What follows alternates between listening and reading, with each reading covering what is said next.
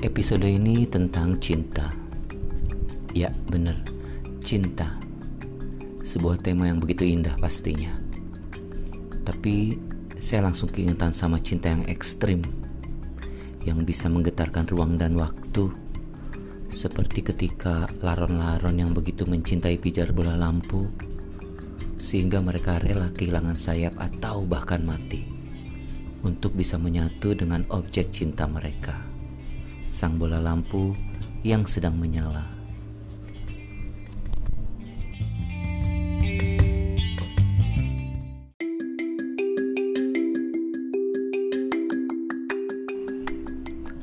Lagi-lagi ingatan akan cinta ekstrim itu saya dapat dari Joseph Campbell, seorang ahli mitologi. Saya baca dari bukunya yang berjudul Myths to Live By, yang dikirim sama teman saya dari Amerika sahabat baik saya yang namanya Iin, tapi saya panggil dia Inong, dan dia adalah cewek pertama yang saya tembak waktu kuliah dulu. Walaupun gak berhasil. ya gitu deh. Gara-gara sering ditolak cinta, saya jadi termasuk orang yang sering mikir tentang arti cinta. Saya udah ngerti betul rasanya mencintai tanpa bercinta. Tapi mungkin juga sih saya pernah sesekali dicintai begitu hebatnya sama orang-orang tertentu Sampai-sampai mereka melakukan hal-hal tidak masuk akal. Mungkin ya, nggak boleh GR. Teman-teman juga pasti sama ya, pernah mencintai sampai tingkat yang ekstrim atau mungkin juga pernah dicintai sama ekstrimnya. Nah, di episode ini saya pengen nyebutin 5 formulasi cinta berdasarkan kisah religius India. 5 tingkatan dalam seseorang melayani dan mengetahui Tuhannya dalam rangka seseorang mewujudkan identitasnya sebagai makhluk yang menyatu dengan makhluk-makhluk lainnya. Tingkat pertama adalah cinta dari seorang pelayan ke tuannya. Spirit ini sesuai dengan pemujaan dan persembahan seorang hamba ke Tuhannya. Orang-orang yang beragama memiliki cinta ini, cinta tingkat pertama. Tingkat kedua adalah cinta dari seseorang kepada temannya, dari teman ke seorang teman teman bisa berdiskusi tentang apa pun, sama seperti nabi-nabi dengan para pengikutnya. Tingkat ketiga adalah cinta orang tua ke anaknya. Yang ini sih udah jelas ya, nggak perlu saya beberin lagi.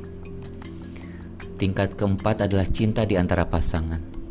Kita tahu ya bagaimana seorang istri memuja suaminya, bahkan di beberapa kepercayaan, pelayanan seorang istri kepada suaminya merupakan ukuran seberapa religiusnya sang istri.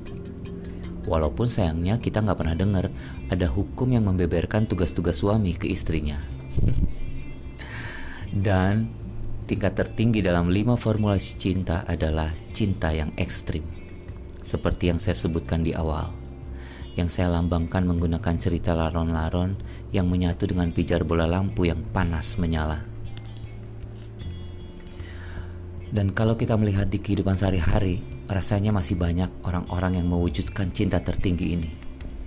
Seseorang yang melakukan tindakan mencintai tanpa tedeng aling-aling. Kadang-kadang melampaui pemahaman manusia normal. Misalnya ketika seseorang begitu gigih menolong orang lain tanpa pamrih sampai tuntas, seolah-olah orang yang ditolong adalah bagian dari dirinya yang tak terpisahkan. Hingga ia rela menghabiskan banyak waktu dan tenaga untuk menolong orang tersebut, mencintai orang tersebut. Di masa corona ini, kita pasti jadi teringat pada para pejuang medis yang rela bertaruh nyawa menolong para pasien. Bahkan sampai mereka sendiri terpapar dan sebagian meninggal. Jadi di episode ini saya pengen ngucapin salut buat mereka semua yang sudah bisa mewujudkan formulasi cinta tingkat tertinggi.